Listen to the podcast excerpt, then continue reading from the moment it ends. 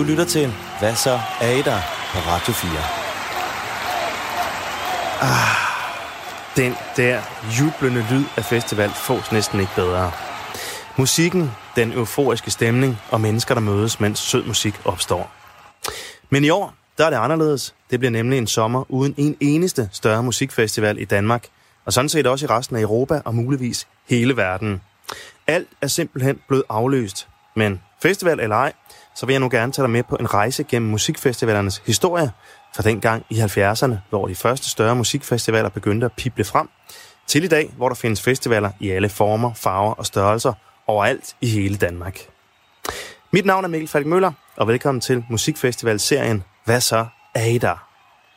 Jeg er selv kæmpe festivalfan. I mere end 25 år har jeg hver sommer været fast gæst på et hav af danske festivaler, ligesom jeg som musikjournalist har rejst verden rundt for at besøge spændende festivaler i blandt andet Korea, Grønland, Vietnam, Færøerne, USA, Japan og andre eksotiske steder. Jeg elsker med andre ord festivaler. Jeg elsker fællesskabs- og frihedsfølelsen, de uformelle møder med andre mennesker, de nye venskaber, der kan opstå, det store sus foran scenerne for at skrue med på verdensstjernernes hits, eller opdage helt ny musik. Og så elsker jeg alle de gode historier, der findes på enhver festival, og som er blevet en del af festivalernes fortælling. Jeg er selvfølgelig ikke ene om at elske festivaler. Det gør tusinder og er der tusinder af andre danskere og folk fra hele verden også. I dag der er musikfestivaler et etableret massefænomen, som stort set alle generationer har stiftet bekendtskab med på et eller andet tidspunkt i deres liv. Det er big business, og der tjenes milliarder af kroner på at lave festivaler, og vi køber gerne billet, uden at kende programmet på forhånd, og er klar på at spendere en mindre formue, mens vi er afsted. I sidste afsnit, der handlede det om, hvordan musikfestivalerne og festivalkulturen opstod i Danmark i 70'erne, med hovedfokus på Roskilde Festival, som i år skulle have holdt sit store 50-års jubilæum. Siden den spæde festivalstart for 50 år siden, der er antallet af festivaler eksploderet i Danmark og resten af verden. Og i det afsnit, der skal vi møde direktørerne for to nyere danske festivaler og høre om, hvordan man skaber en festival helt fra bunden, og hvordan man går fra den første gode idé til lige pludselig at skabe en helt færdig festival med tusinder af publikummer og store navne på plakaten. Det er Jeppe Nissen fra Metalfestivalen Copenhagen og Ulrik Ørum Petersen fra Slotsfestivalen Heartland, som er med i studiet. Senere så skal vi også møde talsmanden for Smukfest i Skanderborg, Paul Martin Bunde. Inden jeg får besøg af de to direktører fra Copenhagen og Heartland, så lad os lige få en stemningsbeskrivelse fra de to festivaler her. Copenhagen! Jeg vil beskrive Copenhagen som øh, den festival i Danmark, hvor jeg har det aller, aller, aller, aller hyggeligst. Copenhagen, det er for mig som at komme hjem. Det er det største musikfællesskab, jeg overhovedet kan finde i hele Danmark. Copenhagen for mig betyder... Det er sådan en DNA, det er sådan en ryggrad i mit band næsten. Vi er vokset op med Copenhagen, så den har fuldt, hænger uadskilligt sammen med mig og mit musikerliv. Så det er et fristed. Det, det er et sted, hvor, hvor metalhoveder og rockhoveder kan få lov til at, at føle sig frie og føle, at de er en del af et fællesskab. Et sted, hvor man får lov til bare at være, være sig selv den ene gang om året. Og så kommer man ind, og så bliver man sådan, ah, så bliver man, ah, nu er jeg hjemme her. Nu er jeg blandt de her mørkklædte folk, som måske det minde i København synes er lidt skumle. Sorte trøjer og forvaskede sorte trøjer og, og bare mave.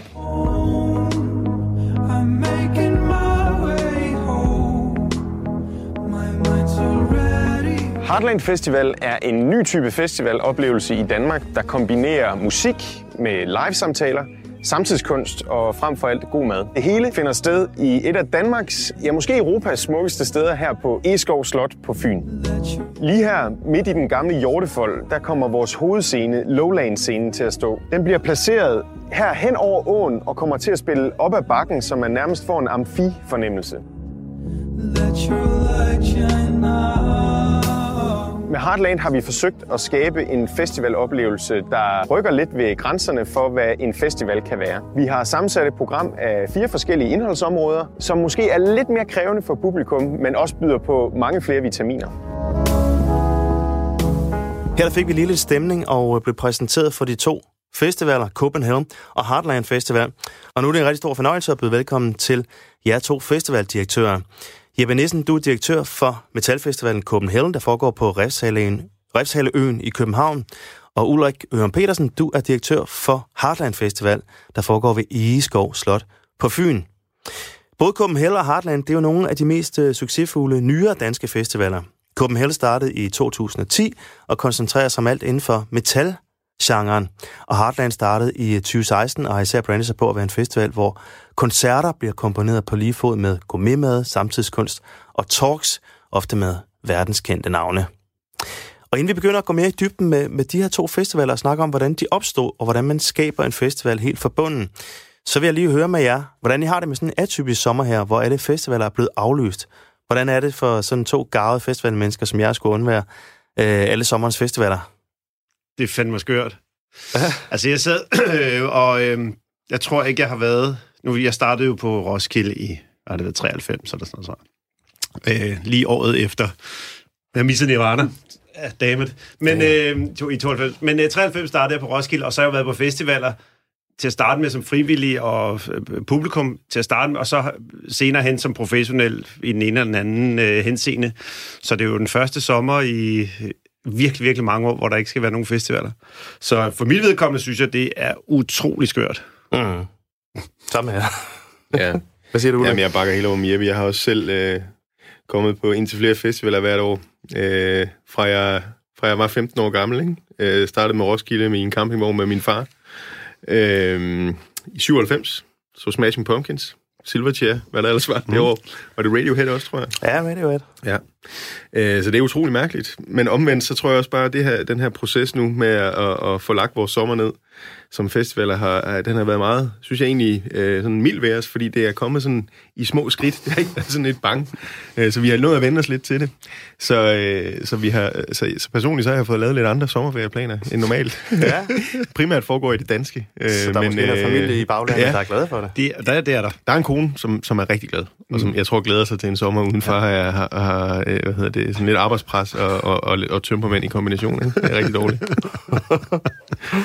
Men hvad kommer I mest til at savne ved, øh, ved at have en sommer her uden festivaler? Copenhagen. Til egen festival. ja. ja. det, er jo, det er jo svært. Det er jo, altså for, for mit vedkommende, så er altså... Nu startede vi i Copenhagen der i 49 år, var jeg jo i 10. Men øh, så er det jo klart, at det har været en kæmpe stor del af ens øh, liv i de sidste 10 år. Øh, og det, det er jo fire dage om, om sommeren, men man arbejder med det hele tiden, og det er, det er jo sådan en ting, som, øh, som man tager med sig hjem. Når man mm. går hjem fra arbejde, altså når, når, den her festival, så jeg bruger super meget tid på at ligge og tænke, hvad fanden, og det er det band, og hvad med det, og kan man gøre det, og hvordan, hvis nu folk gør det. Altså sådan nogle små detaljer og sådan noget. Det bruger man sindssygt meget tid på, så det er sådan en voldsom lang proces, ikke? Og nu er der bare ikke noget. Så øh, nu var jeg lige ude på Refsaløen i går. Øh, vi skulle optage en lille film med en... Den kommer senere hen. Uh-huh. Øhm, en lille sjov film. Og, så, og jeg, jeg var sådan set ikke... Jeg skulle sådan set ikke være derude, men jeg tog bare derud, fordi jeg synes, at der skete et eller andet på den plads der. Altså, der, jeg manglede, at der skete noget.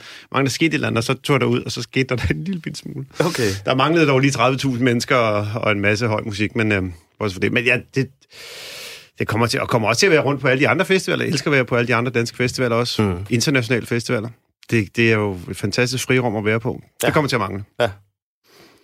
Jamen, jeg vil også sige, ligesom Jeppe, det, det, det man har brugt et år på at planlægge noget sammen med gode kollegaer og, og folk, som man øh, har været i sådan et kreativt øh, udviklende, og så hen imod noget afviklende space med i lang tid, og så ikke, at det kulminerer. Øh, vi nåede jo trods alt at arbejde i, i, i 8-10 øh, måneder på at lave festival, inden, øh, inden tæppet det blev reddet væk under os. Og det er, det er mærkeligt ikke at få det der klimaks. Vi har jo mange medarbejdere også, som, som vi plejer at fejre øh, den her afvikling sammen med, som kun er hos os øh, et år. Så mm-hmm. der, der er jo nogle mennesker, der har været, der har været inde og arbejde øh, sammen med os på at skabe festival, som aldrig får deres arbejde at se udfoldet. Det synes jeg, det synes jeg er rigtig, rigtig, øh, rigtig, rigtig ærgerligt. Ja. Øh, og det, det er noget af det, som jeg, jeg kan mærke, jeg synes er, er det værste ved det her. Ikke? Det, er, det er al den kreativitet og alt det gå på mod og skaberkraft, som øh, på en eller anden måde ikke øh, ser sin udfoldelse i år. Øh, det satser vi jo så på, at, at det kommer til at ske næste år, men der, men der mangler et eller andet kapitel i bogen. Ikke? Ja, det er mm. klart. Altså, hvordan var det, da I fik at vide, at, at festivalerne blev nedlagt? Hvad, hvad tænkte I så? Hvad skete der? Altså, det, jeg, jeg, jeg tror, det, for mig at se, jeg husker det ikke som, jeg kan godt huske den der, da Mette Frederiksen, hun lukker sommeren ned. Mm. Men, men før det havde vi jo godt luret, at der er et eller andet her, som ikke, altså, det, det, chancen er meget, meget lille, ikke? Så vi har haft noget tid til at gå. Nu mig og Jeppe er jo udover, vi har, øh, hvad hedder det, hver vores festivaler, som vi, som vi styrer, så er vi faktisk også kollegaer til daglig og sidder inde på, øh, på Live Nation og laver også en masse koncerter, ikke? Så vi snakker jo sammen hver dag mm. og sparer meget med hinanden, og vi havde jo snakket i lang tid om, at, øh, at det her det nok var et, var et sandsynligt afkom. Og vi havde også siddet og lavet alle mulige scenariemodeller begge to. For øh, hvad nu, hvis det bliver en mindre skala? Hvad hvis det bliver for 3.000 eller 5.000 mennesker? Eller kan vi overhovedet? Ja. Og, så den havde jo kørt rundt på os i lang tid. Ikke? Så jeg husker det ikke sådan, som tæppet blev trukket væk, men, men det var sådan, det var på en eller anden måde, da den så kom der, så var det også sådan lidt en lettelse, kan jeg huske, fordi der havde været så meget usikkerhed i halvanden måned op til, mm. at de rent faktisk blev lukket ned.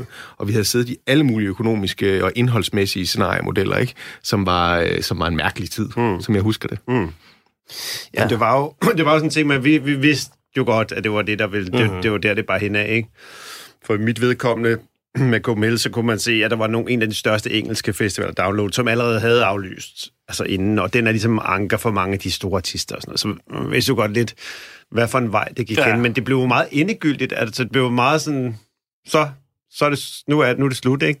Og det, det var sgu lidt hårdt, altså, og under det pressemøde, altså jeg kan huske, min, min sms, det væltede jo bare ind med alt muligt, åh oh, fy og shit, og alt muligt, så, hvor man, man var jo klar, man vidste jo godt, at det var det, der skulle ske, men det var virkelig endegyldigt, ikke? Ja.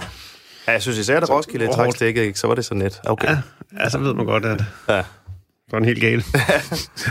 Vel, os snakke lidt om uh, jeres, uh, jeres festivaler. Øhm, Jeppe, mm. øh, du fortæller, at Copenhagen den har været i gang siden 2010, og du var jo med til at lave den helt fra starten, og, og ja. Daglig leder af, af festivalen. Mm. Det gik fra øh, publikum på 4.500, en to-dages festival, og så Ja. var der cirka 30.000 sidste år, og, ja. Og en fire-dages festival. Ja. Hvordan opstod ideen med, med at lave en metalfestival ude på Refsaløen? Jamen, øh, som helt, øh, hvis man spoler helt tilbage til 8-9 stykker der, så havde vi siddet og snakket på kontoret inde på Live Nation-kontoret om, at godt kunne tænke os at lave en festival, og det, det ville være meget fedt, og sådan noget, men nu er vi jo et, et mindre land, og øh, det der med at skulle gå ud og lave sådan en mainstream festival, som en Roskilde eller en Smuk, eller hvad det nu er, det var sådan set ikke rigtig interessant, fordi det var også rigtig gode samarbejder, samarbejdspartnere. Så øh, vi gik sådan lidt rundt om varme grød, og så tænkte jeg da, at øh, jeg elsker heavy metal, du, og så øh, tænkte vi, vi kan lave en heavy festival. Fordi der er også tit, det var, på det tidspunkt, så var der rigtig mange, om sommeren, rigtig mange af de store internationale hårdrocksbands, som kom igennem Danmark. Roskilde tog nogle af dem, øh, og har jo historisk set lavet rigtig meget hård rock og metal, men ikke nok. Altså, det der var stadig rigtig mange artister, som ikke kunne spille nogen steder, fordi der var ingen andre festivaler, der tog dem, Mm-hmm. eller som var interesseret i at have dem på deres program. Øhm, og jeg kendte til alle de andre udenlandske festivaler af, i- af hårdrockstypen, så øh, tænkte vi, det skulle da det, vi skal gøre. Så vi både kunne udfylde et, øh, sådan et, et hul i markedet, sort hul i markedet, øh, og så øh, samtidig, at vi kunne lave noget med alle de her bands, som kom igennem Danmark på den ene eller anden måde, som skulle til Sverige til Sweden Rock, eller skulle ned til Varken, hvor, hvor de nu skulle hen og var, var omkring. Ikke? Mm-hmm. Så det var sådan set øh, sådan grundtanken omkring det, og så øh, var hele, altså sådan hele ideen var, at vi rigtig godt kunne tænke os at starte den indenfra, sådan en helt lille kerne, og så bygge festivalen ud fra der.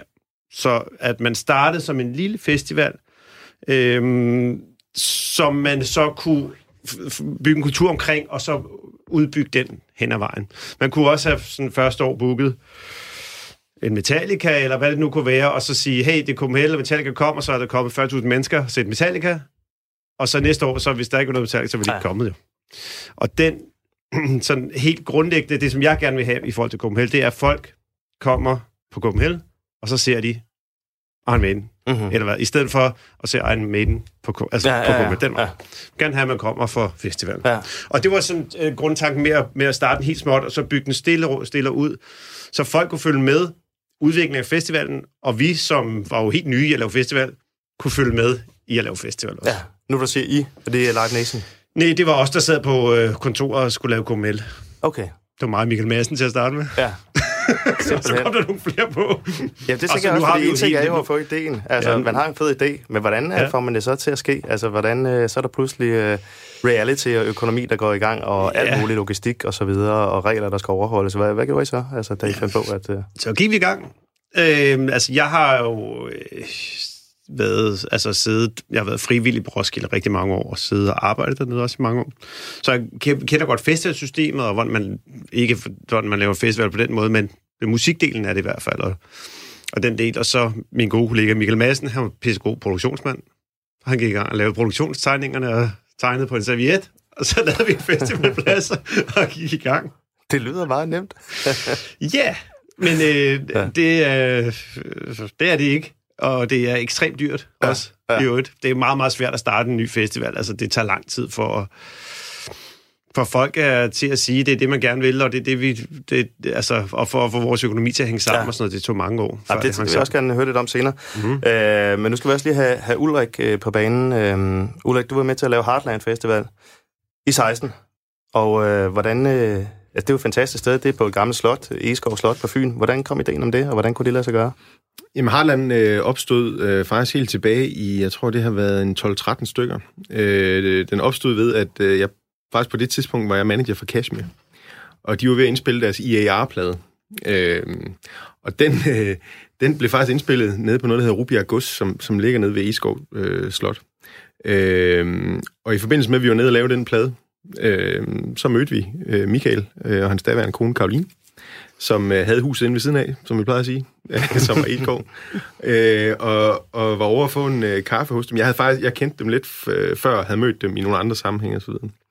Men jeg kan huske en dag, hvor, hvor, øh, hvor vi går rundt derovre, og vi går og snakker, og de, de vil gerne lave nogle sommerkoncerter over på slottet, ligesom så mange andre slotte gerne vil. Øhm, og få noget, øh, få noget liv og noget kultur øh, ind, altså noget moderne øh, popkultur, kan man sige. Og øh, så var jeg rundt og se det sted der, og det er jo privat eget slot. Mm-hmm. Øh, det er noget, Michael og hans familie har haft i mange, mange generationer. Og gå rundt og, med ham derover øh, sådan en eller anden øh, oktoberdag i 2012, og se, hvad det var for et sted, øh, der igennem 400-500 år var blevet bygget op af havearkitektur og, øh, og sådan naturforløb og så videre. Og så se en mand, der brændte så meget for sit sted, og se, hvor vildt lavet det var. Uh-huh. Og så høre ham sige, at jamen, vi kan sådan set lave, det er mig, der har det her sted, så vi kan lave, hvad vi vil. Sådan, vil du, kan du have mange med? Han kan jo have rigtig mange mennesker, det vil han egentlig ikke øh, have noget problem med. Og så, så det gik egentlig fra, at der stod sådan en scene, de havde fået bygget op af en lade øh, inde i parken, hvor de så gerne ville have nogle sommerkoncerter ind, til at jeg kan huske, da jeg var færdig den der dag, jeg tænkte, det, det er jo simpelthen, altså, må jeg ikke lige prøve at gå hjem og tænke, for jeg tror, man kunne lave noget helt vildt. Og i den her periode, der er opstået nogle øh, festivaler, primært i England, øh, sådan noget Latitude Wilderness og sådan noget, de kom alle sammen omkring øh, 2010, øh, der omkring 8-9-10 stykker. Øh, så der var ligesom sådan en bølge på det tidspunkt af det, man kalder butikfestivaler, uh-huh. hvor, som ikke er øh, headline musikdrevet, men, men hvor det er en hel masse forskellige kunstformer, der blander sig i det traditionelle festivalformat. Og så, så var de meget kendetegnet ved, at de lå i ret vilde omgivelser. Øh, og det bliver jeg meget inspireret af. Og det her det er jo også en periode, hvor Instagram virkelig fik øh, fart under øh, subsandalerne. Ikke? Så, øh, så man kunne sidde og se de der helt vilde billeder fra, fra festivaler, der minder om sådan en blanding af, af Narnia og, øh, hvad hedder det, øh, Woodstock, ikke? Ja. Øh, og jeg kunne bare se det der for mig dernede. Så jeg kan huske, jeg gik, øh, jeg gik hjem og skrev på sådan et oplæg, som var noget med at sidde og researche på en hel masse festivaler der rundt omkring i verden inden for det her, og så prøve at kode det ned til noget, jeg synes var spændende. Og så sendte jeg det over til Michael og Karoline, hvad kunne man gøre det her? Og så kan jeg huske, de, de var sådan helt, ej, det var, det var det vildeste, de nogensinde har set, og det var lige det, og det skulle vi bare. Så sådan, fuck, ja okay, øh, det skal vi da. Ja. Og på det tidspunkt, jeg, jeg havde jo et andet firma og arbejde og så videre, så det var ikke lige sådan min første prioritet. Jeg kan godt lide at sætte ting i gang, men nødvendigvis at skulle, uh, skulle lave festival, var aldrig noget, jeg sådan havde tænkt over. Så min gode ven, øh, Jesper Christensen, som er vores bestyrelsesformand i dag, og som er direktør inde på Live Nation, øh, så tog jeg fat i ham. Og jeg, tog, jeg husker, jeg tog ind til ham med den her præsentation, for jeg har sagt til Michael Queen, jeg kender måske nogen, der, der kunne være interesseret i at lave, lave festivaler. Og, og, jeg, og jeg kan huske, øh, han, han rystede på hovedet af mig faktisk, fordi i forhistorien er jo, at Jeppe, øh, som lige har fortalt om, hvor dyrt det er at lave festival, mm-hmm. de har lige lavet Copenhagen, og på det tidspunkt var Copenhagen jo ikke en plus, plus forretning, vel? Mm. Så det var rigtig, rigtig dyrt at lave det her. Så jeg, jeg gik jo noget slukket øre derfra, men jeg tror alligevel, mig og Jesper havde det så godt med hinanden på det tidspunkt, og jeg tror, han synes, jeg var en fed fyr. Så han fik sagt til mig sådan på vej ud, at hvis jeg kunne finde en 6 millioner kroner cirka i, øh, i kapital og komme ind med øh, i det her, så ville han gerne godt være med øh, til det. Og det øh, gik jeg så faktisk i gang med. Og jeg kan huske, inden for et halvt års tid, det var sådan med kommuner og fonde og regioner og udviklingsmidler på den ene eller anden måde. så jeg tror ikke, der var gået fire måneder, så havde jeg faktisk skaffet øh, nærmest 6 millioner kroner i opbakning til at lave en festival dernede på det koncept. Fantastisk. Mm. Øh, og så bandt den jo lidt for, for den gode Jesper Christensen derinde, at så, så var Live Nation også nødt til at gå ind i det.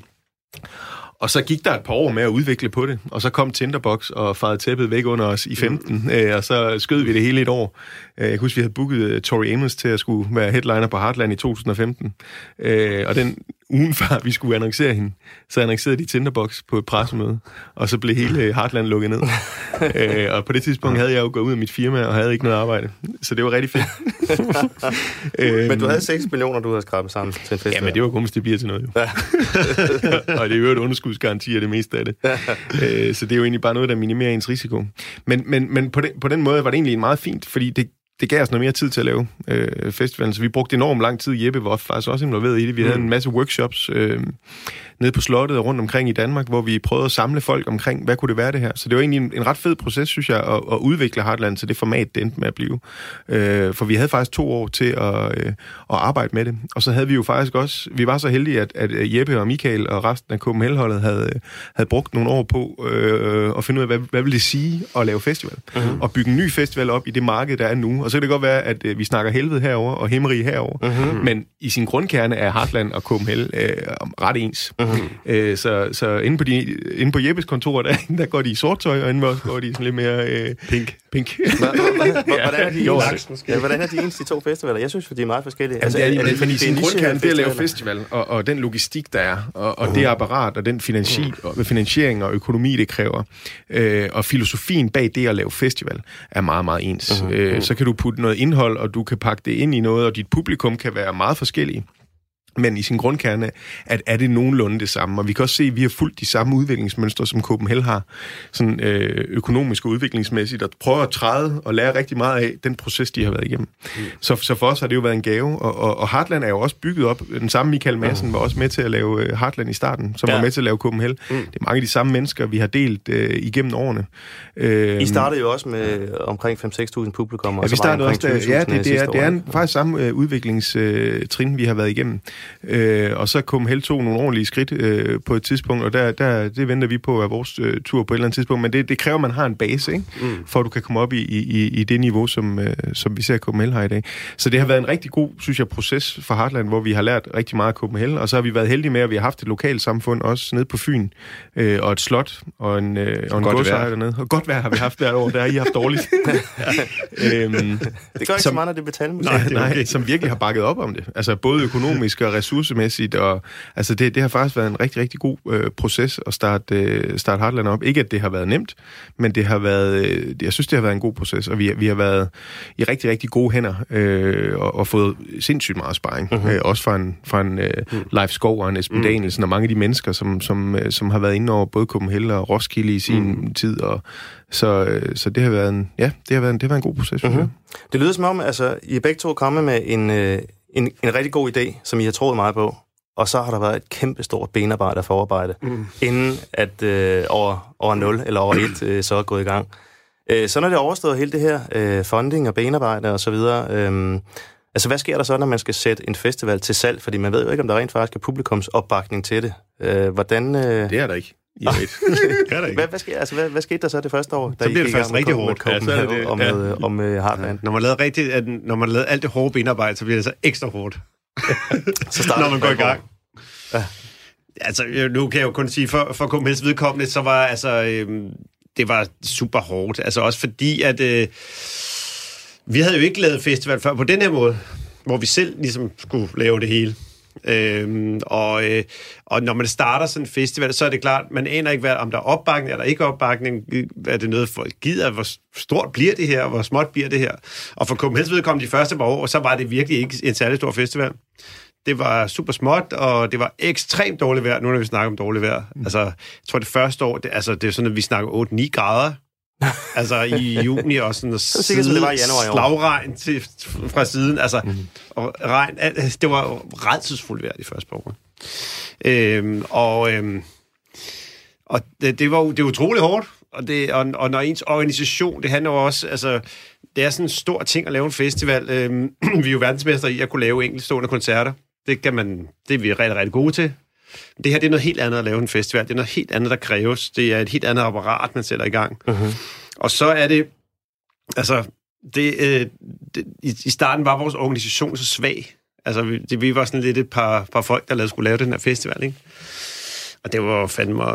Det, det lærer man hurtigt, at man skal hurtigt man op have nogle bedre folk omkring Når man ender i selv at rende rundt og sætte hegn op, ikke? Ja, det er sådan de første år, så, det, så ved man godt. Lad mig også fordi det handler vel også om, hvis man laver en festival, du skal lave en øh, særlig identitet, ikke? Altså, du skal lave virkelig stærkt øh, Ja. brand, som, som noget, som publikum kan identificere sig med, og som Ja. man har lyst til at være der i flere dage. Altså, mm. Mhm. du går ind i et univers og åbner en dør, ikke? Jo. Og, og hvordan, øh, hvordan sørger man for at skabe sådan noget? Jamen altså, i, jeg synes, at vi, og vi brugte rigtig meget tid på at, øh, at arbejde med kulturen, med, med, med hårdrockskulturen. Altså, jeg har selv været inde i den siden. Jeg har været meget ung og elsker den helt vildt, så jeg synes, jeg har en okay for, forståelse for det.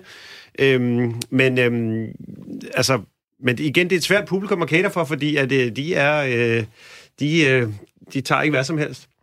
Øhm, men vi brugte rigtig meget tid på det, brugte rigtig meget tid på, hvordan, det skulle, hvordan vi skulle snakke, hvordan det, vi skulle se ud, hvordan vi skulle, altså, hvordan vi skulle arbejde med det. Vi brugte rigtig meget tid til at starte med på, vi havde faktisk, øh, jeg, havde, jeg lavede sådan en, øhm, jeg kunne rigtig godt lide den der idé, faktisk kommer den, ikke fordi jeg drukket, jeg er dog fra Helsingør, men, det, men overgangsøen op i Helsingør, den skiftede kunstner hver år, så steg den så også i procent hver, en, hver år. Så. Men jeg synes, det er en fed idé, så vi, det, vi, jeg gjorde det i starten, at hver plakat hver år havde en ny kunstner, inden for genren, og det var jo det var store kanoner, som har lavet Motorhead-ting og Iron Maiden-ting, og sådan noget, som vi fik til at tegne de der plakater. Og jeg synes, det fungerede super godt, og en god historie at fortælle, og det er sådan en historie, som publikummet også tænker, hey, der er sgu da nogen, der ved noget, eller altså, der, der ja. er nogen, der... Det her, det er fedt, ikke? Øhm, så det brugte rigtig, rigtig meget tid på, og, øhm, og det fungerede, men det er, det er et langt træk, altså mm-hmm. virkelig et langt sejt træk, før folk også siger, okay, det her, det, det er der, vi skal hen. Du lytter til musikfestivalserien Hvad så er I der? Og her der fortalte direktøren fra Copenhagen, Jeppe Nissen lige, at det er et langt sejt træk at starte en ny festival op. Det har det også været for Danmarks anden største festival, Smukfest i Skanderborg, som sidste år kunne fejre sit 40-års jubilæum. Og lige om lidt, der skal vi høre talsmanden for Smukfest, Paul Martin Bunde, fortælle om, hvordan Skanderborg kom i gang og blev til den festival, som vi kender i dag. Men inden da, så lad os lige få lidt smukfest-stemning. Her er der nemlig et klip fra dokumentaren 40 Fed og Festival, der blev lavet i forbindelse med festivalens 40-års jubilæum sidste år, og som kan findes inde på Skanderborg Festival Klubs hjemmeside. Her der er det TV2's forsanger Steffen Brandt, der fortæller. Sagen var, vi anede faktisk ikke, hvad en festival var for noget. De skulle bare have succes. Det lignede nogle 20-årige bondedrenge fra en østlysk provins. Men vi var jo lige så uerfarne som dem. Hvad fanden fuck it, vi gør det her?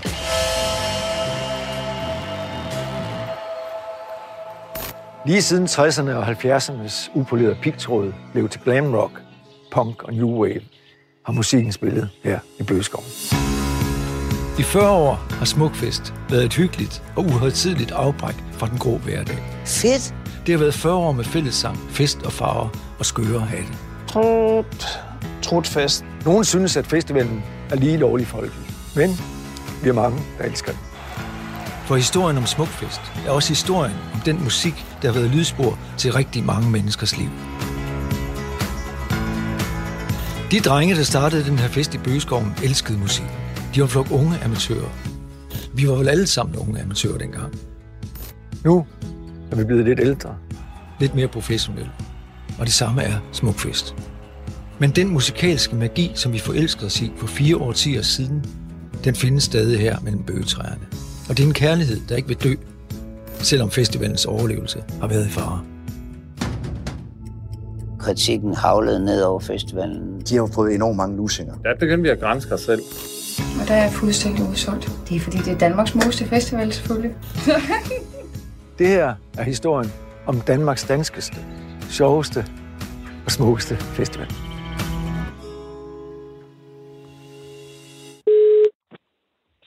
På Martin? Ja, hej på Martin. Det er Mikkel inden fra øh, Radio 4 der.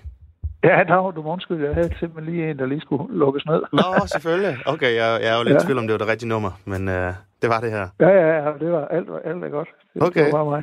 Paul Martin, du kom første gang på Smukfest tilbage i 1984 og har arbejdet for med festivalen siden da øh, på forskellige planer. I 2004 der udgav du bogen Smuk om festivalen, og siden 2008 så har du altså så været talsmand for det hele.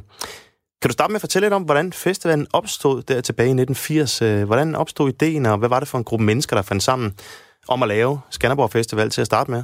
Jamen altså, øh, Skanderborg Festival, som den hed øh, fra starten af, er jo skabt af øh, unge mennesker på, på øh, begejstring og på, på ønsket om, at der skulle ske noget i, i, en, øh, i en øh, kedelig øh, provinsby. Øh, og øh, primært øh, en øh, person, J.P. Andersen, som, som ligesom havde det her som sådan et brændende ønske, og han er stadig tilknyttet festivalen, han vores booker jo, og har været det i alle de der år, øh, var, var manden, der sådan øh, satte det op og fandt øh, en, en håndfuld ligesindede, mm. øh, som, som godt ville være med til at lave øh, den her festival. Og, øh, og, og det, det var jo ikke, fordi det var sådan specielt nemt. De troede, det var nemt at få en masse andre frivillige med, men jeg tror nok, man regnede ud til, at der var under 25 på den allerførste øh, festival. Og, og øh, at øh, de, de, det var et meget begrænset musikbudget, der, der, øh, der var på det budget på festivalen i det hele taget. Jeg tror, det var på måske på på øh, 14.000 kroner, men det endte altså med, eller det endte med, at de lavede indtægter for 14.000, men, men udgifterne var på 17.000, så, ja. så det var sådan lidt øh, en, en skidt forretning. Og det var så jo, jo, jo mange penge af dengang for, for fem unge mennesker, som var arbejdsløse og studerende, eller, eller øh, lærer, eller hvad det nu var øh, på det tidspunkt, men bestemt ikke, ikke formugende. Ja. ja. Og hvad skete der så efter det første år her, som, som lyder til, at det har været lidt... Øh et øh, Jamen altså, det første år var jo rigtig meget op og bakke, men er jo også noget af det, som, som myter er gjort af, ikke? fordi altså, det var jo netop sådan, at man hejste præsendinger op og bandt dem fast i træerne, og, og øh, den sidste del af det sat fast til en, til en, øh, til en campingkrog på en, på en Toyota, som man kunne spænde det ud, ikke? Mm-hmm. Og, og, og var jo netop også af samme øh, årsag nødt til at aflyse til sidst. Det sidste bane kom ikke på, fordi det begyndte øh, at regne. Og en anden af de sjove historier fra det første år var, at, at den, den, en, en af udgifterne på budgettet, det var en, en forsikring hos øh, Lloyds of London, det hedder kronet engelske forsikringsselskab, mm-hmm. som var en regnværsforsikring. Og hvor man simpelthen havde for 1000 kroner tegnet en forsikring om, at hvis der faldt så så meget regn mellem kl. 13 og 14, så ville festivalen få udbetalt øh, 10.000 kroner. Det var sådan lidt af en, af en lodseddel, kan man sige. Men øh, det begyndte først at regne efter kl. 2, så, så den, var, den var ubrugelig, og det sidste band måtte altså øh, aflyses. Og det var så primitivt, altså men første, altså at, øh, at øh, bandsene for, for at være med og for at spille der, flere af de her amatørbands, der, der var der, jamen, så må man altså også bære med at og, og, og bære toiletspanden ud i skoven og, og, og grave et hul til den på det tidspunkt, for der var ikke nogen særlige backstage-faciliteter eller noget. Og alligevel var det jo en fed ting. Øh, vi, vi, vi geninterviewede en række af, af, af de musikere, der spillede på, på den allerførste festival her i forbindelse med vores øh, 40-års jubilæum mm. øh, sidste år. Og det var altså ret skægt, fordi altså, de, de har nogle meget klare øjeblikke om det, og det var jo en stor ting for dem lige pludselig at spille på en festival med, selvom der kun var 500-600 mennesker, så, så betød det noget for, for dem, og var, var, var et tidligt stort job i manges, øh, i manges karriere. Ja, altså det, det lyder jo helt vildt, altså, at det, det kan gå fra på sådan et niveau. Altså, det, vi kan godt blive enige om, det var en flok glade amatører, lyder det til, ikke? Som havde en god idé. Det, det var, det, det, det tror jeg en flok engagerede uh, ja. amatører, og det var jo lige netop altså, iværksætterånd, så det basker uh, til noget, hvis man også ser på det i dag, hvor vi altså omsætter måske 200 millioner om året og er en arbejdsplads med, med, med mere end 40 ansatte fuldtid og alt det der. Det er jo fantastisk, hvad det, hvad det er blevet til ja, det er det. Med, øh, igennem årene. Men det må da også og, og man kan sige, at der har været øh, nogle, der har været nogle gode, øh, nogle gode ånder omkring det, fordi en af de store kreditorer efter den første festival, det var den lokale bogtrykker og fotohandler Bertelsen, som øh, man skyldte penge for at trykke programmer og plakater og det ene og det andet. Og han sagde til dem, at altså, han synes, det var så fin en idé, de havde lavet der. Så hvis, øh, hvis de lavede en til, så kunne de godt skylde ham. Mm-hmm. Og så, så lavede de jo så en, en festival mere i, i, i 1981, hvor de også skruede op for det hele og for ambitionerne og havde øh, TV2, øh, der lige havde udgivet deres første plade, Fantastisk Toyota og Sneakers, som endnu ikke havde udgivet plader på som, som hovednavne. Og der, der giver det hele en, en tand op. Men, men underskuddet blev desværre også meget større. Okay. så, så det var virkelig, det var virkelig, man var virkelig i krise. Jeg tror, der var, var der 1.200 mennesker til den, til den anden festival, men det var, det var lidt for lidt, og man ikke haft helt styr på, på entréen og på, på alt omkring det. Nej. Øh, men men det, var, det var virkelig en, øh, en, en altså det var, det var, det var der, man, man sådan begyndte at virkelig for alvor få blod på tanden, og så samtidig havde man et, et, et, et underskud, der virkelig skulle dækkes ind. Og igen var der så nogle af de her erhvervsfolk, blandt andet øh, Bertelsen, der sagde, at det fandt man da for godt til at, til øh, at, at, at stoppe nu, selvom mm. de var noget blege, de her unge mennesker, fordi de hæftede for, for hele underskuddet selv.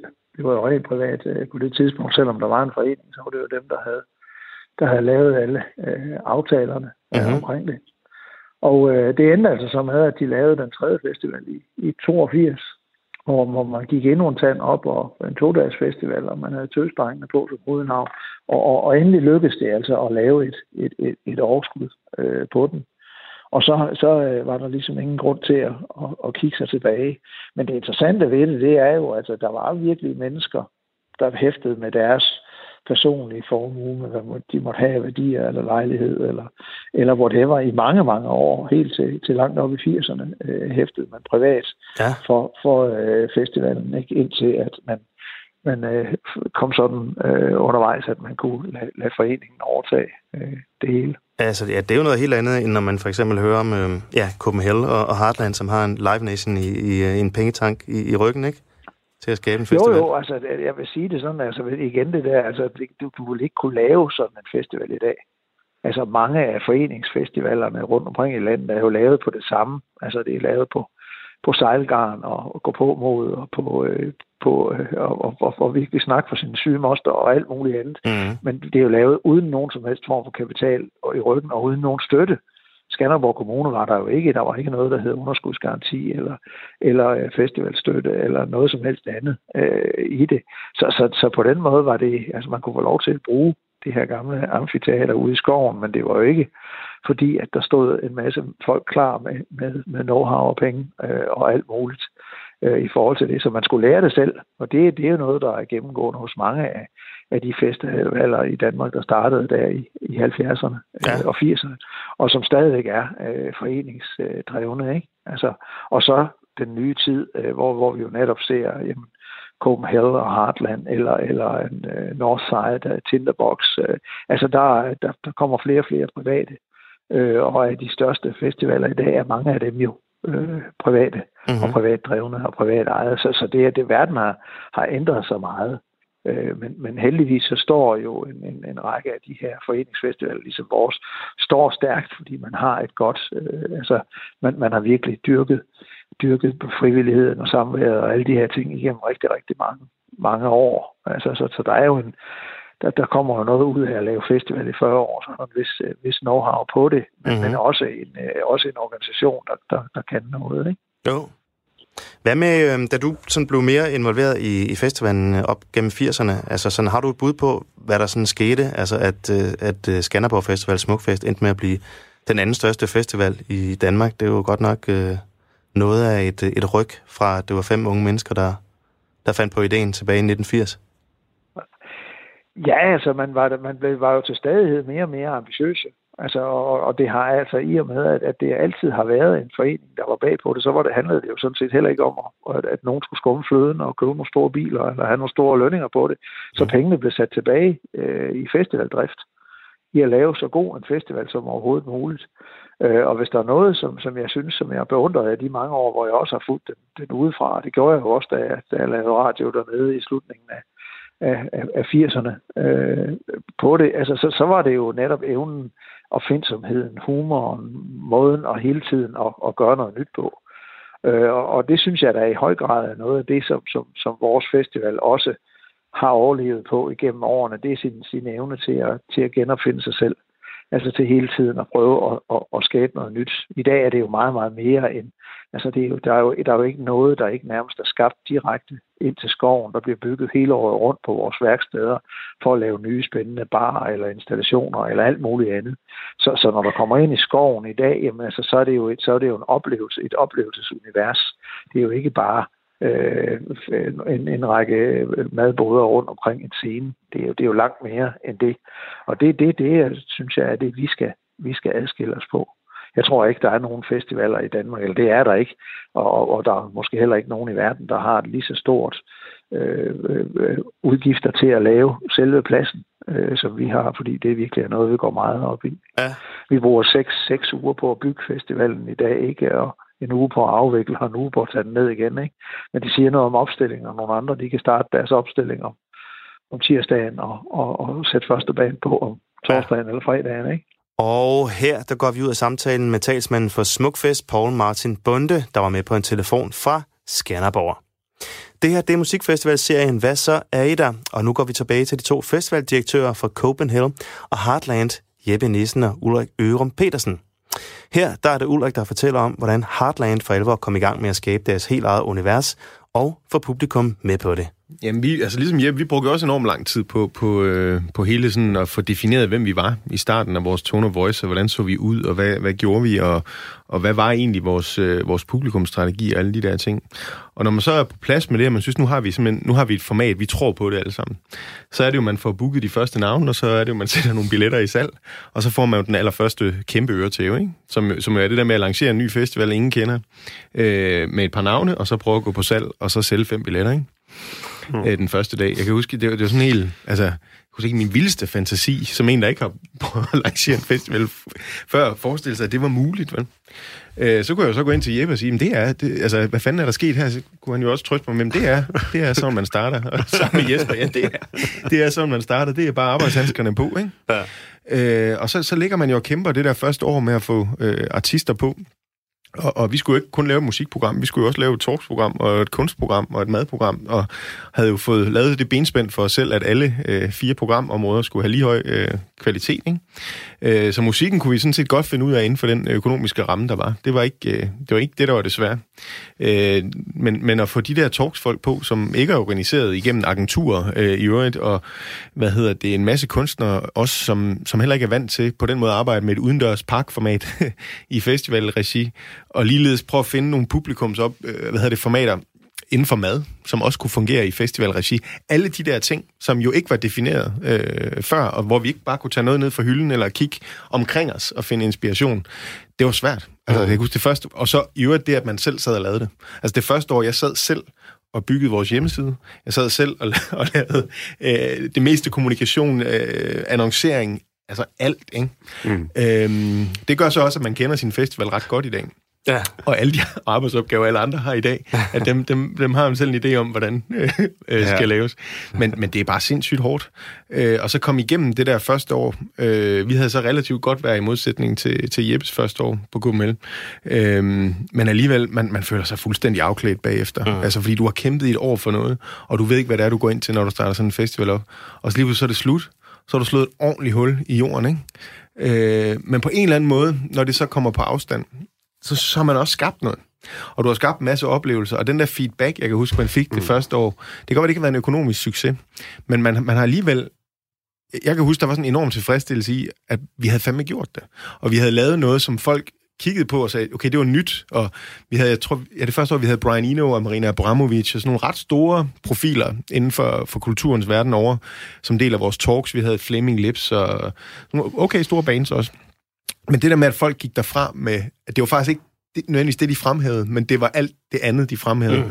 De fremhævede den atmosfære, der var derovre, det at få lov at tilbringe mm. to dage i det der sted, og den måde, vi havde udsmykket det og skabt atmosfære, og altså, det kan jeg huske, da, da de der tilbagemeldinger begyndte at komme, så sådan, okay, der, der er sgu lige noget at bygge på. Vi har, vi har alligevel, altså, vi har slået hul i, i lydmuren ja. på en eller anden måde, ikke lidt ligesom Jeppe mm. oplevede med, at, at der er alligevel, der må være en efterspørgsel på det. Det en, vi har lavet noget, som som, som, som, som folk synes er fedt. Og så spreder sådan noget sig jo. Altså, ja. det er jo word of mouth. Altså, så skal de folk, der har været nede det første år, de skal hjem og fortælle deres venner og familie. Så skal de ned næste år, venner og mm. familie, så skal de hjem og fortælle deres venner og familie. Altså, det er sådan, man bygger. Det er en organisk vækst. Øh, de fleste festivaler, de stærke festivaler, det er på den måde. Ikke? Det, er, mm. det er ligesom at plante et træ, og så vande det, og, og gøde det lidt en gang imellem, og, ja, ja. og styne det, og alt det der passer og pleje det. Og så om 10, 20, 30 år, hvornår det nu er, man er klar, så står man som en flot udsprungen bøg. øhm.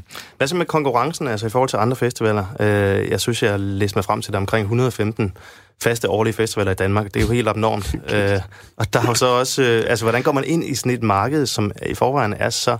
Øh, ja, det er jo så åbenbart ikke mættet, men det er i hvert fald et stort marked. Altså, det, og hvad, hvad tager det cirka fem år, når man starter en ny festival, nogenlunde ja. før, at den øh, ja, det passer går break-even, ikke? Ja.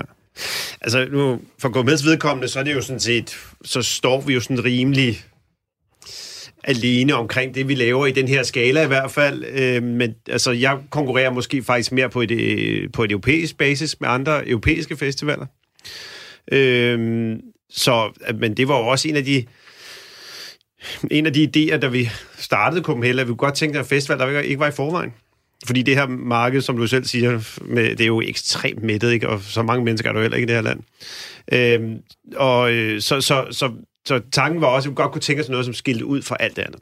Og det, det gør vi, og så er det så samtidig vist sig, at der faktisk også var et behov for det, fordi folk synes, det er sejt at gå på Copenhagen. Og, øh, men jeg tror mere, at jeg, jeg konkurrerer nok mere faktisk sådan internationalt. Mm. Øh, jeg havde i sidste år, altså 18 eller 19 procent internationale gæster. Det er meget ja. for en dansk festival, faktisk. Så, øh, så det tror jeg, det er der lidt mere, jeg buller rundt. Ja. Fordi Roskilde øh, har selvfølgelig også meget hård rock, og det har de altid haft, og det håber jeg virkelig også, de bliver ved med. Øhm, men det, på den måde er det jo ikke en konkurrent til, til en Copenhagen. Øh, jeg tror, Roskildes gennemsnit er en 24-25 år gammel. Det er mm, omkring, ikke? Mm. hvor min er væsentligt højere. Så øh, det er jo to forskellige festivaler, men øh, jeg tror, jeg er mere på internationalt. Mm-hmm i forhold til konkurrence. Ja, det var, altså, man har for vedkommende samme filosofi også, jo, at vi, mm. vi ønsker at lave en festival, der ikke var der i forvejen. Vi skulle ikke ud og konkurrere med vores gode venner og samarbejdspartnere rundt på de, på de store danske festivaler, øhm, som i øvrigt i, i Heartlands og også Copenhagens øh, vedkommende har, har været utrolig støttende. Altså både Roskilde mm. og Skanderborg, Niber og Jelling har jo været med i planerne øh, fra starten af, når vi har lavet øh, festival, og, og, og vi har jo lang tradition for at arbejde med dem og levere artister til, til mange af de festivaler der. Så vi har jo ønsket at lave noget, der ikke var, mm-hmm. var der i forvejen. Det er jo det, der har tændt både øh, Jeppe og mig, og det er også det, der jeg synes, der er retfærdigt gjort, at nye festivaler kunne komme ind i, i et meget, meget mættet marked. Øh, det er svært at lave et, et generisk produkt i, i et marked, som du siger, med 115 festivaler i et meget, meget lille land. Øhm, så der skulle noget nyt til, og, og det er også det, alle os, der laver øh, Heartland, vi brænder for. Mm. Det er at prøve at ændre øh, formatet, og prøve at skubbe til det. Øh, hvad, hvad, hvad er det der udendørs øh, møde øh, mellem mennesker i, i nogle lukkede omgivelser, hvor, øh, øh, hvor, hvor, hvor, hvor man bliver påvirket af kultur og hinanden osv. Hvad, hvad, hvad kan det? Øh, det? Det er det, vi har synes var spændende at, at afsøge, og stadigvæk øh, synes er spændende at afsøge. Hvad hvis man, øh, hvis man kigger sådan lidt øh, uden for Danmark, altså kigger på festivaltendenser generelt? Altså en ting er, hvor mange der er i Danmark, men jeg tror, i England er der for eksempel bare 1000 festivaler, ikke? Mm. Og sådan er det jo så over hele verden. Altså det er jo, det er jo virkelig eskaleret, altså festivaler. Hvad er jeres øh, bud på, eller har I et bud på, hvorfor det er blevet så ekstremt øh, populært at, at tage på festival? Det er pissefedt. Det er pisse fedt.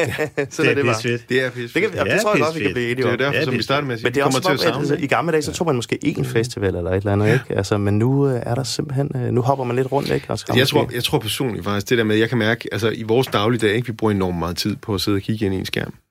Øh, og sidde og e-maile og snakke i telefon og være på sociale medier og så videre, og så videre. Og den der festival er, er i hvert fald øh, for mit eget personlige vedkommende, og også mange jeg kender, det er den tid på året, hvor vi er ude øh, blandt hinanden, øh, og hvor magi mellem mennesker øh, og fællesskab, det er der, det udfolder sig. Og så kan man øh, i større eller mindre grad have et interessefællesskab med de mennesker, som man er sammen med. Men det er simpelthen sådan en forløsning, synes jeg, mm. på året, Øh, og, og, og jeg ved det var både kollegaer og venner og fjender og, og mm. hvad det ellers er, man, man møder derude. Det, det er en fantastisk tid, synes jeg. Øh, det, det møde, der er mellem mennesker på festival, det er de få rum, øh, jeg synes, der er i vores samfund i dag, hvor, hvor du virkelig kan tage ud og, og, og være på eventyr. Øh, og, og være sammen med, med, med, med rigtig mange andre mennesker. Og det, det, det, det tror jeg, det er det, det kan. Mm. Øh, og så, så, så er der jo i, i indholdsformaterne og i omgivelserne på de enkelte festivaler, så er der jo nogle, nogle perks. Øh, men jeg tror, i sin grundramme øh, er det egentlig det fæl, fællesskabsting, mm. som folk søger i de der festivaler. Hvis vi skal til at, øh, skal til at slutte lidt af, men jeg kunne godt tænke mig at høre, hvis, øh, øh, hvis man nu skal lave en festival øh, fra bunden og så videre, ligesom I har gjort, hvad er sådan de tre vigtigste ingredienser, man skal have med til at, at gå i gang? Ja, altså, du skal virkelig have noget, noget vilje. Du skal virkelig ville det, og du skal, hvad hedder sådan noget med at holde sig fast. Bid, bid fast. bid i pinden. Øh, og så bare øh, fortsæt. Og så, så er der jo noget økonomi, som du skal have med. Øh, og så er der en vision, som jeg tror, at så, som du ikke kan leve uden. Ja, altså vision og lave en langsigtet Ja, øh, og du plan. skal have, altså, altså- altså så kan, jeg- så kan jeg nu med kun med tre, så smider jeg idé og vision i samme kasse. Altså, du skal have en anden, du skal have en idé og en, en vision med den der, med den der, den der event, du gerne vil lave, som, øh, som, som kan et eller andet, ikke? Mm. Som kan noget andet, vil jeg sige i hvert fald. Og så noget økonomi, og så virkelig noget blide pinden. Mm-hmm. Ja, som man siger. ja. Det er det samme for dig, Ulrik. Jamen, det, er, det handler om at have... Altså, ja, den økonomiske muskel er sindssygt ja. vigtig, altså, Ja. fordi øh, der, der er gode år, der er dårlige år, og, og, og, og det, det handler om at bygge øh, events over tid, og event brands over tid, det handler om at være robust økonomisk, fordi øh, især i opstartsårene, der er det, øh, der er det enormt udfordrende, øh, og det tager længere tid, end man i, i sin vildeste fantasi, tror jeg, kunne forestille sig, mm. når man går i gang med sådan noget der, Mm. mm. og få det til at blive økonomisk bæredygtigt. Så det at have risikovillig kapital, og have nogle investorer, der forstår, hvad risikovillig kapital for festivaler det er. Øh, Jeg tror ikke, der er nogen investeringsfonde eller banker med, med sådan rimelig fornuft oven i hovedet, der, der, der vil være med i sådan et 5, 6, 7-årigt forløb med en festival. Øh, Så skal du jo også have adgang. Altså, det, det er jo også en anden ting. Altså, ad, altså vision, det med at have en, en unik markedsposition, men også adgang til, til indhold. Og øh, altså, det er jo også øh, sindssygt vigtigt, ikke? Altså, at du har adgang til artisterne, at, at øh, det, det netværk af, af, af mennesker, der, organis, der, der udgør vores branche, øh, har tillid øh, til dig og, og, og til din festival, og, og, og den økonomi, der ligger bag, og den vision, der ligger bag, er, er jo lige så vigtigt. Mm. For ellers får du, har du ikke noget at sætte på din plakat. Mm-hmm. Hvad med jeres festivaler i øh, de næste 5-10 år? Hvor, øh, hvor peger de hen af? Er I, øh, har I en retning? Opad. Nej, jeg vil sige... Øh, lad- skal I hen? Altså, de er blevet ret store, kan man sige. Altså, altså 30.000, det er jo ret mange mennesker. Og 20.000 Det er, rigtigt, det er jo en af de største festivaler i Danmark. Det, øhm... Men øhm, altså, jeg, jeg, jeg tror, at Copenhagen, nu, har, Copenhagen, nu har vi brugt 10 år på ligesom at, at, at, at sætte den her... Øh, sætte, sætte plantespydet, ikke? Så, så det, her, det er det her festivalen er. Og vi er blevet gode til, os der laver festival, vi er blevet gode til at finde ud af, hvordan, hvordan vi gør. Vi er blevet gode til at lave den festival. Og publikum har fundet ud af, at det her, det, er, det kan de godt lide også. Ikke? Så vi har fundet hinanden i... Øh, i en herlig, herlig tur med. Men øh, jeg tror, at nu er vi sådan konsolideret. Nu, nu har vi for, formatet på festivalen. Øh, vi synes, vi er blevet ret gode til det, og publikum kan rigtig godt lide det. Vi solgte ud i februar i år. Øh, tada, så blev det så ikke til noget. Men, øh, men, øh, men vi solgte jo historisk tidligt ud, og, og det var jeg også virkelig, virkelig glad for. Og, og vi solgte tidligere tidligere ud de sidste par år. Så jeg tror, og at øh, nu er Copenhagen den størrelse, som vi godt kan lide. Øh, vi, det kan, den kan vi godt lide at, at lave i. Publikum kan, kan godt lide den. Øh, så den kunne godt tænkes os at holde, og så vil der være nogle lidt, lidt, lidt svagere år, og så lidt stærkere år, sådan lidt, så det går lidt op og ned. Øhm, men jeg tror, jeg har fundet sådan min, min form og min, øh, min størrelse, som, som, som de næste 10 år godt kan ligge og rulle der. Mm-hmm. Nu øh, ligger jeg jo midt i byen, øh, ude på Refsaløen, og øh, den her by, hvis man går rundt og kigger, så der er rimelig meget byggeri hele tiden. Den, den vækster jo helt ekstremt. Ja. Øh, og kan jeg, kan jeg blive der? Who knows? Hvad med jer, Ulrik, på, øh, ved Iskov Slot på Fyn? Ja, vi, vi, er jo så, øh, ja, vi, vi er jo nok ikke i en helt stor risiko for, at der skal bygges dernede. Øh, det, det, det, må vi, øh, det er i hvert fald ikke en af dem, vi har skrevet på vores liste over udfordringer. Jeg kommer ned og bygger et slot dernede. Ja. Et ondt slot lige ved ja, siden af. Et ondt slot. Kræv Dracula over Ja. på det sorte slot. Så, så det, det kan man sige, den, den, den øh, kæmper vi ikke så meget med. Men, men vi er jo i en konsolideringsfase. Vi skal, vi skal til at finde ud af, hvad er vores øh, størrelse? Øh, hvor stor skal vi være som, som, som festival? Hvor hårdt skal vi give festivalen? Øh, det er, vi er jo stadigvæk, øh, hvad skal man sige, teenager er vi vel nu, men vi er stadig i vores unge år, øh, hvor Jeppe han er efterhånden ved at være blevet voksen med Copenhagen. Ikke? Så Mm. vi ligger jo stadig og kæmper med nogle, vi har ikke så mange børnesygdomme længere, men vi har, vi har nogle af de der med, hvad, hvad, hvad skal jeg være, når jeg bliver stor? Agtige Mm. spørgsmål. Og, øh, og dem, øh, dem arbejder vi med. Vi prøver jo også at, at hele tiden at, at, at, at, at blive ved med at udvikle på festivalen, og sørge for, at vores øh, vision og vores strategi, øh, den er tidsvarende, og den øh, også forholder sig til markedet og omgivelserne, både herhjemme, men også øh, internationalt. Det er jo ikke nogen hemmelighed, at at hvis man kigger på sådan talks og, og, og, og mad-events og så videre, så er der jo sket rigtig meget, siden vi lancerede øh, der i øh, efteråret 15. Mm-hmm. Øh, jeg tror ikke, der er nærmest den øh, festival eller et kulturhus i Danmark, der efterhånden ikke øh, laver øh, talks og, og så videre. Så, så vi skal jo også finde ud af, hvor, hvor er det, vi, vi, vi, vi, vi, vi har øh, vores unikhed øh, henne i, i, den, i den kommende tid. For vi er jo ikke en genre-festival. vi er vi er en, en, en atmosfærisk øh, kulturoplevelse, øh, som, som i, i større eller mindre grad også prøver at skubbe til vores virkelighedsopfattelse som moderne mennesker i virkeligheden. Så det, det er jo det er hele det der med at, at prøve at blive ved med at, at, at, at udvikle på... Øh, på, på festivalen og sikre os, at den er tidsvarende, ikke? Og, og at publikum også øh, finder den øh, interessant, uh-huh. så Mhm. den kan vokse så stor og øh, forhåbentlig sælge ud øh, i februar øh, om et par år. Det her blev det sidste ord i andet afsnit i denne her serie om musikfestivaler. Hvad så er I der? Tak til Jeppe Nissen fra Copenhagen, Ulrik Ørum Petersen fra Heartland og Paul Martin Bunde fra Smukfest for at give os et indblik i deres erfaringer og historier med at starte en festival op helt fra bunden. Mit navn er Mikkel Falk Møller, og tak for, at du har lyttet med. Serien her er produceret af Homeland for Radio 4, og lyt endelig med i næste afsnit, hvor jeg får besøg af Jakob Benser fra DAD og musikjournalist Anders Bøtter til en samtale fyldt med anekdoter om, hvad det er, der gør festivaler så magiske, både for publikum, musikere og branchefolk.